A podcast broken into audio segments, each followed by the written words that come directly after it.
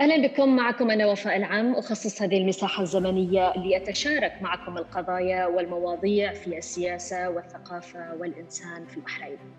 في بودكاست وفاء ألقي ببقعة الضوء على ملف التقاعد الذي بات ملف النقاش الأول بين البحرينيين، ملف لا يمس المتقاعدين فحسب وأنما مستقبل العاملين في القطاعين العام والخاص بين العجز الاكتواري وبين خطر الإفلاس. يعيش المواطنون البسطاء من ذوي دخل محدود قلقهم. بين السياسات وإعادة هيكلة المؤسسة التي تعد أكبر احتياط سيادي في البلاد تكثر الأسئلة والتساؤلات.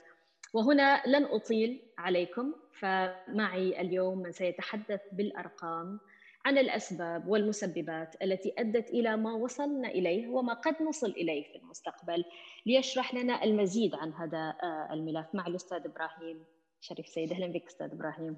أهلا مرحبا مساء الخير. آه، أبو شريف طبعا هو الملف الأول الآن في البحرين. وواضح بأنه هو يثير قلق آه، العاملين في القطاعين العام والخاص على مستقبلهم يعني سواء المتقاعدين أو الأشخاص اللي أيضا سيكون آه، سيكونون متقاعدين أيضا في في المستقبل. آه، وهي خلينا نسأل لماذا الآن هذا الملف يخرج من جديد؟ هو موجود ويبدو بأنه مزمن يعني ولكن يخرج من جديد ويقفز بقوة في هذه المرحلة. الملف قديم جدا يعني خلينا نقول إحنا على الأقل نعرف عن مشكلة آه، لما يسمى بافلاس الإكتواري لصناديق التقاعد من قبل حوالي 20 سنة. في 2003 أمام البرلمان كان آه، رئيس الصندوق الخاص بالقطاع الخاص الشيخ عيسى بن إبراهيم قال بان الصناديق ستفلس. في ذاك الوقت كان العجز في حدود 3 مليار آه، دينار. الآن تقريبا إحنا 15 مليار آه، دينار. فإحنا نعرف المشكلة دي على الأقل من 17 سنة. ووضعت أمام آه، مجلس النواب وشكلت فيه لجنة تحقيق وتوصلت إلى مجموعة من الخلاصات وعرضتها على الحكومة. قامت الحكومة ببعض الإجراءات ولكن الإجراءات الأساسية لم تقم بها الحكومة. الآن آه، عندنا إحنا آخر تقرير للخبير الإكتواري اللي يحسب شنو الالتزامات اللي بتكون على هيئة الضمان الاجتماعي صناديق التقاعد أساسا التقاعد الخاص والتقاعد في القطاع الحكومي الخدمة المدنية. في آخر تقرير في ديسمبر 2018 الخبير الاكتواري قال بانه عندنا إحنا عجز 14 مليار و4 من عشرة بمعنى أنه التزام الصناديق آه، تجاه المتقاعدين الحاليين والمتقاعدين في المستقبل يفوق الأموال التي جمعتها الصناديق من سنة 75 أو 76 عندما بدأ نظام التقاعد عندنا. يفوق ب 14 مليار و4 من عشرة. هذا نسميه عجز. هذا العجز مو اليوم سيحدث لكن سيحدث بالتدريج. إلى أن يصل إلى 14 مليار و4 من عشرة آه، خلال العشرات السنين القادمة. إذا قال في إذا قسمنا إلى صندوقين صندوق التقاعد الحكومي الإفلاس بيبدأ في 2024 شنو معنى الافلاس معناها كل الاموال المجمعة الآن في صندوق الحكومي حوالي مليار وشوية بتنتهي بتنفذ في 2024 بعد 2024 الصندوق تكون خالي فلوسه وما يصل من أموال من المشتركين سيدفع المتقاعدين. إذا نبي نحافظ على الحقوق اللي اللي النظام التقاعدي يضمن لهم لازم نزيد الاشتراكات في ذاك الوقت حوالي 75 أو 80% هذه هو الخطورة الخطورة بأنه إذا ما صار شيء بعد أربع سنوات لازم الاشتراكات ترتفع 75 إلى 80% عشان تغطي المصاريف المستمرة لرواتب المتقاعدين. بالنسبة للقطاع الخاص، القطاع الخاص في 2003 عندما طرح الموضوع لأول مرة كان العجز بسيط جدا، كان العجز أساسا في القطاع العام. كان العجز لا يتجاوز 100 مليون أو 200 مليون، الآن القطاع الخاص أيضا العجز كبير، العجز في القطاع الخاص 6 مليار و3 من عشرة في القطاع العام 8 مليار و6 من عشرة. آه، والقطاع الخاص آه، ستنفذ أمواله في 2033 يعني في 2033 أيضا بيكون مفلس. وفي حاجة في ذاك الوقت لرفع الاشتراكات بالتدريج إلى درجة أنه يقول خبير أنه إحنا بعد عشرات من السنين لازم نرفع الاشتراكات 90% فالخطورة بما معناه إنه هذا الجيل الحالي الآن اللي تقاعد خلال السنوات الماضية آآ آآ لن يمس خلينا نقول الضرر. اللي سيمسه هو الجيل القادم. إما سيمسه من خلال رفع الاشتراكات أو سيمسه من خلال تقليل المنافع، تقليل الرواتب التقاعديه، منع التقاعد المبكر إلى آخره من هذه الأمور. اذا القضية أصلا إحنا نقترب من خط النهاية، لذلك الاستعجال الآن أصبح أكثر من ما كان موجود. تقصد إحنا نقترب من الإفلاس أكثر صح؟ بالضبط، إحنا نقترب من الإفلاس، أول إفلاس صناديق الحكومية في 2024 لذلك الحكومة عملت على دمج الصندوقين بحيث إنه تمنع الإفلاس المبكر حق الصندوق الحكومي. الآن الاثنين بيفلسون خلال خلينا نقول ستة أو سبع سنوات.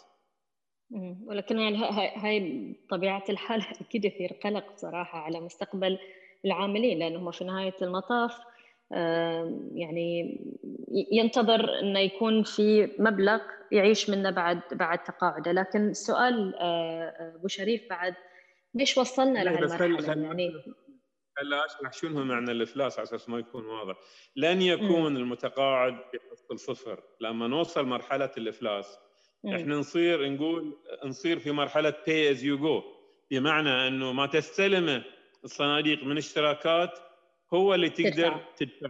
فإذا استلمت مثلا خلينا نقول 60% آه خلينا نقول في عنده عنده التزامات 1000 مل 1000 مليون دينار واستلمت 600 مليون أو 700 مليون دينار في السنة. ستدفع ال 600 للناس اللي لازم تدفع لهم ال 1000 معناها 60% فقط من راتبهم. بيدفعونه. إلا إذا قامت بمجموعة من الإجراءات منها مثلا رفع الاشتراكات تخفيف المنافع. فما بنوصل إلى مرحلة إن الناس يحصلون صفر لكن ممكن نوصل إذا ما في ما في تغييرات مهمة ممكن نوصل إن المتقاعد يحصل 50 أو 60% من راتبه فقط.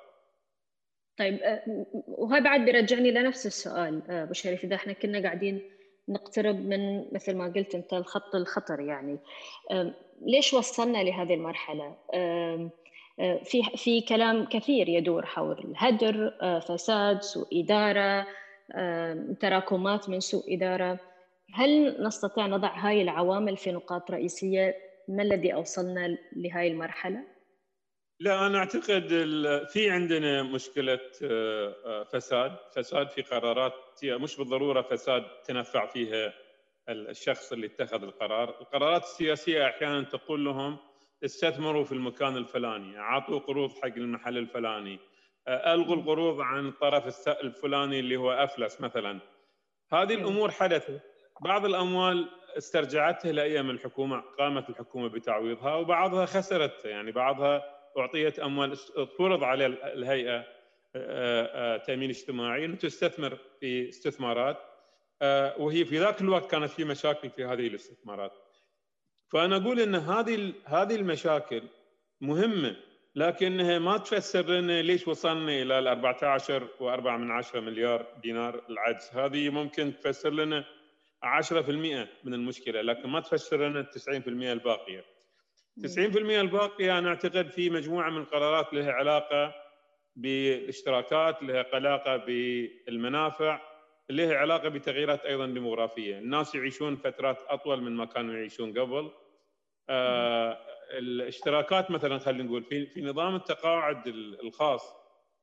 ما كان في زيادة سنوية في السابق 3% قبل 10 سنوات أو 11 سنة بدأت الزيادة السنوية. هذه هذه زيد الكلفة. نظام التقاعد لما وضع في البداية وضع بافتراضات معينة هذه الافتراضات تم خرقها من الحكومة. مثلا اشتراكات في عام 86 كان في أزمة اقتصادية آه، في الخليج بسبب هبوط أسعار النفط. قررت الحكومة خفض الاشتراكات مثلا في القطاع الخاص من 21% إلى 15% يعني 6% راحت. وظلت مخفضة من سنة 86 آه، أعتقد إلى 2003 وبعدين رفعت إلى 18% ما عادوا إلى ال ال 21% الخسارة بين 86 وبين 2002 كانت حوالي 370 مليون حسب تقرير اللجنة البرلمانية. بقيمة اليوم 370 آه، مليون ربما تساوي مليار وشوي آه، دينار. فهذه قد يفسر 10% من المشكلة وظل بعد بعد 2003 لما رفعت الاشتراكات رفعت إلى 18 ما ما رجعت إلى 21 هذين الاثنين هم العاملين في الحكومة أيضا نفس المشكلة. هذين الاثنين هم العاملين ربما يشكلون آه، خلينا نقول حوالي 20% من سبب المشكلة قرار سياسي اتخذ في لحظة معينة وقد يكون له مبرر لسنة وسنتين بس ما له مبرر إنه يتم 15 سنة أو أو 20 سنة. فهذه من ضمن القرارات السياسية اللي تتخذها الحكومة وتؤدي إلى مشاكل في المستقبل. القرارات الأخرى اللي اتخذت اتخذت بعضها آه، آه، خلينا نقول قرارات جيدة لكن ما تقدرين تتخذين قرار جيد بدون لا تدفعين كلفته يعني ما تقدرين ترفعين الحد الأدنى للأجر مثلا بدون لا تأخذين شيء من الاشتراكات أو تأخذين من آه، اشتراكات أكثر من أصحاب الأجور الأكبر أو تخصمين ما تدفعينه في رواتب التقاعد لأصحاب الأجور الكبيرة خلينا نقول لي فوق ال 1500 دينار أو شيء من هذا النوع. فأنت ما تستطيع أن تقدمين منافع أكثر وأنت تسوين اشتراكات أقل. هذه هي المشكلة هذه من ضمن المشاكل. بعض المشاكل قامت فيها الحكومة لنوايا حسنة. كانت تريد تساعد القطاع الخاص وتخفض الاشتراكات إلى آخره. لكن النوايا الحسنة لما استمرت أكثر من سنتين وثلاث سنوات آه، أدت إلى أنه المشكلة اللي موجودة عندنا آه، اليوم. طيب. فأنا أقول يعني افهم منك إن هي سياسات هي سياسات يعني هي في أكثر من عامل. حط يعني أوصلتنا إلى هاي إلى هذا الوضع الآن. يعني أنا أقول بعض السياسات خلينا نقول حتى لو جاءت بحسن نية لكنها سياسات خطيرة. يعني واحد يتخذ قرار بحسن نية نهاية آه، آه، يعني القضاء على حقوق المتقاعدين هذه يعني حسن النية هذه لازم تحطينها تقول قرار اتخذ بحسن نية وبسوء كفاءة بكفاءة سيئة جدا من قبل الحكومة. يعني أي قرار تتخذه أي مسؤول يجب أن يكون له خلينا نقول تبعات. إذا كانت التبعات مقبولة صغيرة مقبولة. أما إذا كانت تبعات كبيرة مثل الوضع الحالي عندنا لا هذا القرار بالطبع حتى لو اتخذ بحسن نيه والمعلومات كانت متوفرة عندهم في ذاك الوقت من الخبراء الاكتواريين هذه القرارات ما كانت يجب أن تتخذ إلا لفترة قصيرة فقط معينة اللي كان هذا اللي كنت أبي أقوله أبو شريف إن القرارات تتخذ بناء على المرحلة يعني ما في رؤية للمستقبل. إحنا ما عندنا استراتيجية مستقبلية لصناديق مستدامة. إحنا عندنا نشتغل مرحليا الآن وبعدين نشوف وين تروح المشكلة أو ونبتدي نحل المشكلة اللي طلعت لنا مرحليا. ما ما في ما في رؤية حقيقية. طيب الآن الاجراءات نظام التقاعد. إحنا عندنا عندنا مشكلة أكبر من نظام التقاعد اللي هي افلاس البلد نفسه بسبب الديون. إحنا الآن ديوننا فوق ال 15 مليار آه، دينار وناخذ ديون بشكل كبير كل سنة. كل سنة نضيف لنا مليار آه، ونص دينار تقريبا. آه، كنا قبل 20 سنة أقل من مليار. اليوم 15 مليار. يعني مثل ما تقولين صناديق التقاعد. كان عندنا قبل 17 سنة 3 مليار عز اليوم عندنا 15 مليار. نفس الشيء الميزانية العامة للدولة. كان عندنا ديون أقل من مليار اليوم عندنا 15 مليار. طيب. نفس الظاهرة يعني موجودة. يعني هاي سياسة عامة في الدولة بشكل عام. طيب عشان نفهم ال...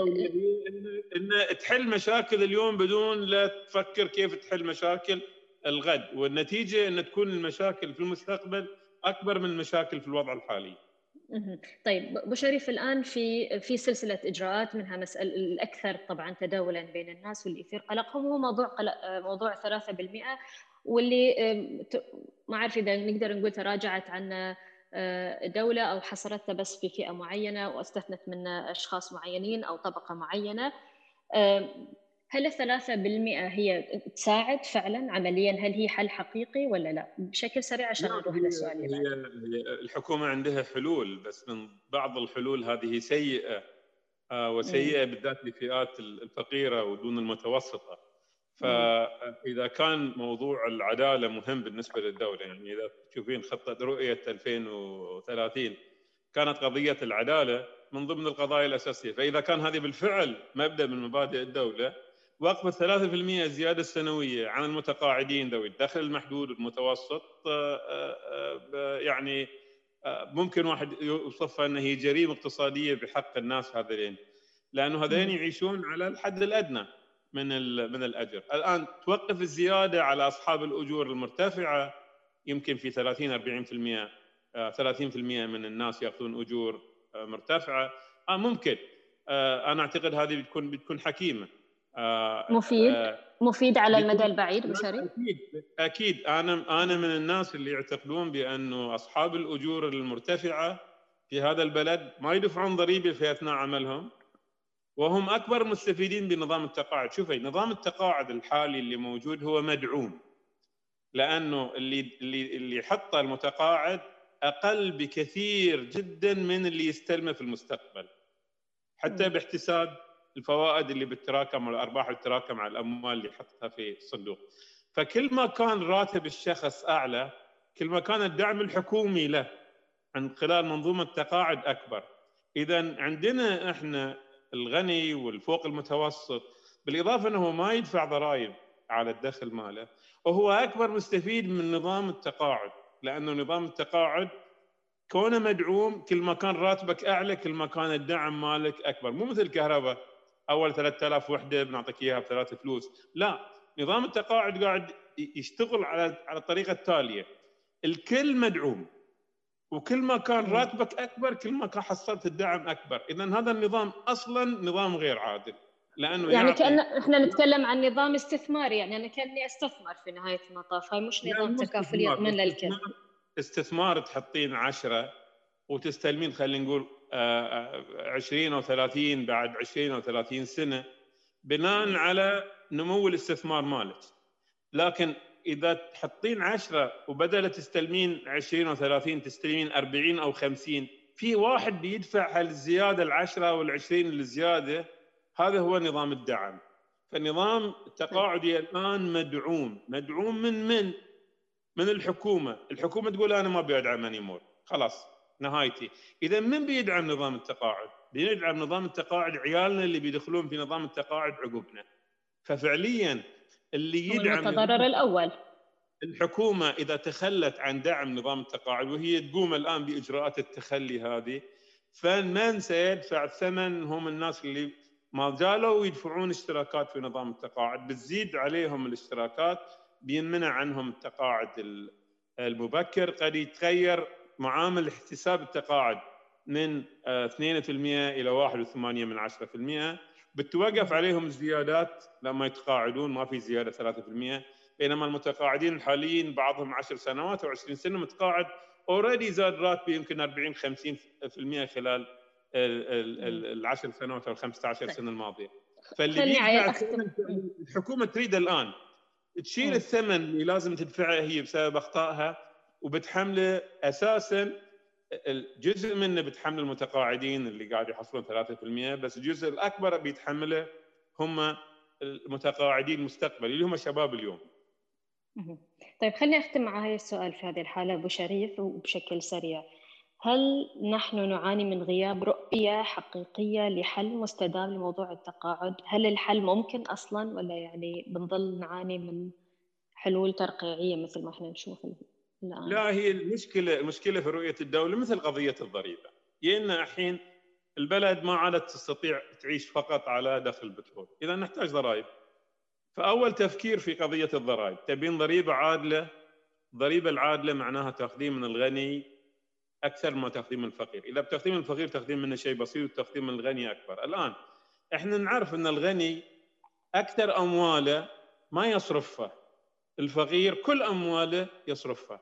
فإذا اخذتي ضريبة القيمة المضافة فالفقير لأنه كل أمواله يصرفها فبينضرب ضريبة القيمة المضافة على تقريبا على كل أمواله ما عدا المعفاه من الضريبة المضافة. الغني في المقابل أغلب أمواله ما يصرفها يحطها في بنك. ما عليها ضريبة هذه. نظام الضريبة العادل هو أن تأخذين من الغني مو تاخذين من الفقير. الضريبة تحول إلى نظام تكافلي؟ يعني هذا اللي تقصد ان تحول إلى نظام تكافلي حقيقي. اول شيء. أنا أقول أقول منظومة القيم عند الدولة فيها خطأ. منظومة مم. القيم يجب أن تبتدي بمنظومة العدالة. ما هو ما هي العدالة؟ العدالة معناها إحنا ما يصير نعيش الفقير الصعب حالته على ضرائب يقدر يتحملها الغني. الغني يقدر يتحمل الضريبة هذه. لا ضريبة المضافه يجب كانت ما تكون موجودة تكون عندنا ضريبة دخل محلها. اللي دخله فوق الحد معين لازم يدفع ضريبه وضريبة الصعوديه كل ما زاد دخلك كل ما. لكن أصحاب القرار هم الأغنياء هم أصحاب القرار والنفوذ طبعا. هم الأغنياء وهم يتخذون القرار في نفس الوقت. ما لهم مصلحة إن يدفعون ضرائب مثلا على الأراضي البيضاء على حساباتهم في المصارف على أرباحهم الرأسمالية إلى آخره. اذا أفضل لهم أفضل حل لهم انه يسوون ضريبة القيمة المضافة. نفس الشيء الآن موجود في نظام التقاعد. نظام التقاعد ما يبون يمسون أكثر مجموعة مدعومة في نظام التقاعد اليوم هم أصحاب الرواتب العالية وفوق المتوسطة. ما يبون يمسونهم. أنا أقول حط ضريبه عليهم. ما في مشكلة. هذولين نوقف عليهم 3% ما في مشكلة. لا توقف لي على أبو 500 و 700 و 800 وربما ل 1000 دينار. هذا ما يجب التوقف عليهم. هذا يعيشون على 3% 3% تغطي كلفة الزيادة في المعيشة السنوية. هذا المنظور مع الأسف منظور العدالة منظور التكافل الغني آه، آه، آه، يدفع أكثر من الفقير غير موجود على مستوى الدولة مع الأسف. معنا في تجارب كثيرة بصراحة بشريف منها إحنا التجربة اللي إحنا نعيشها بشكل يومي في كندا هو نظام تكافلي سواء في الضريبة أو حتى في موضوع التقاعد. يعني الفقير يدفع أقل ضرائب وكل ما زاد الدخل كل ما زادت الضريبة ونفس الشيء في موضوع التقاعد. في كل الأحوال شكرا لك أستاذ إبراهيم. ضربت مثل في هذا الموضوع النظام السويسري النظام السويسري أكبر تقاعد وأصغر تقاعد الفرق بينهم اثنين إلى واحد، إحنا الآن عندنا موظفين متقاعدين رواتبهم 10000 دينار وعندنا ناس صغار رواتبهم 300 دينار، الفرق صحيح. 30 مرة مو باثنين إلى واحد. وبالتالي إحنا محتاجين إلى حل جذري حقيقي. بكل الاحوال شكرا لك أستاذ إبراهيم على يعني هاي الحوار. الممتع والشيق واللي فيه كثير من المعلومات. آه، شكرا لكل من استمع لهذا البودكاست. شاركونا بآرائكم آه، كيف تجدون الإجراءات الأخيرة اللي اتخذتها الحكومة بشأن التقاعد المتقاعدين. شاركونا تعليقاتكم حول الموضوع مخاوفكم قلقكم على مستقبلكم. وإلى آه، لقاء آخر وحوار آخر. اللقاء. يعطيك العافية.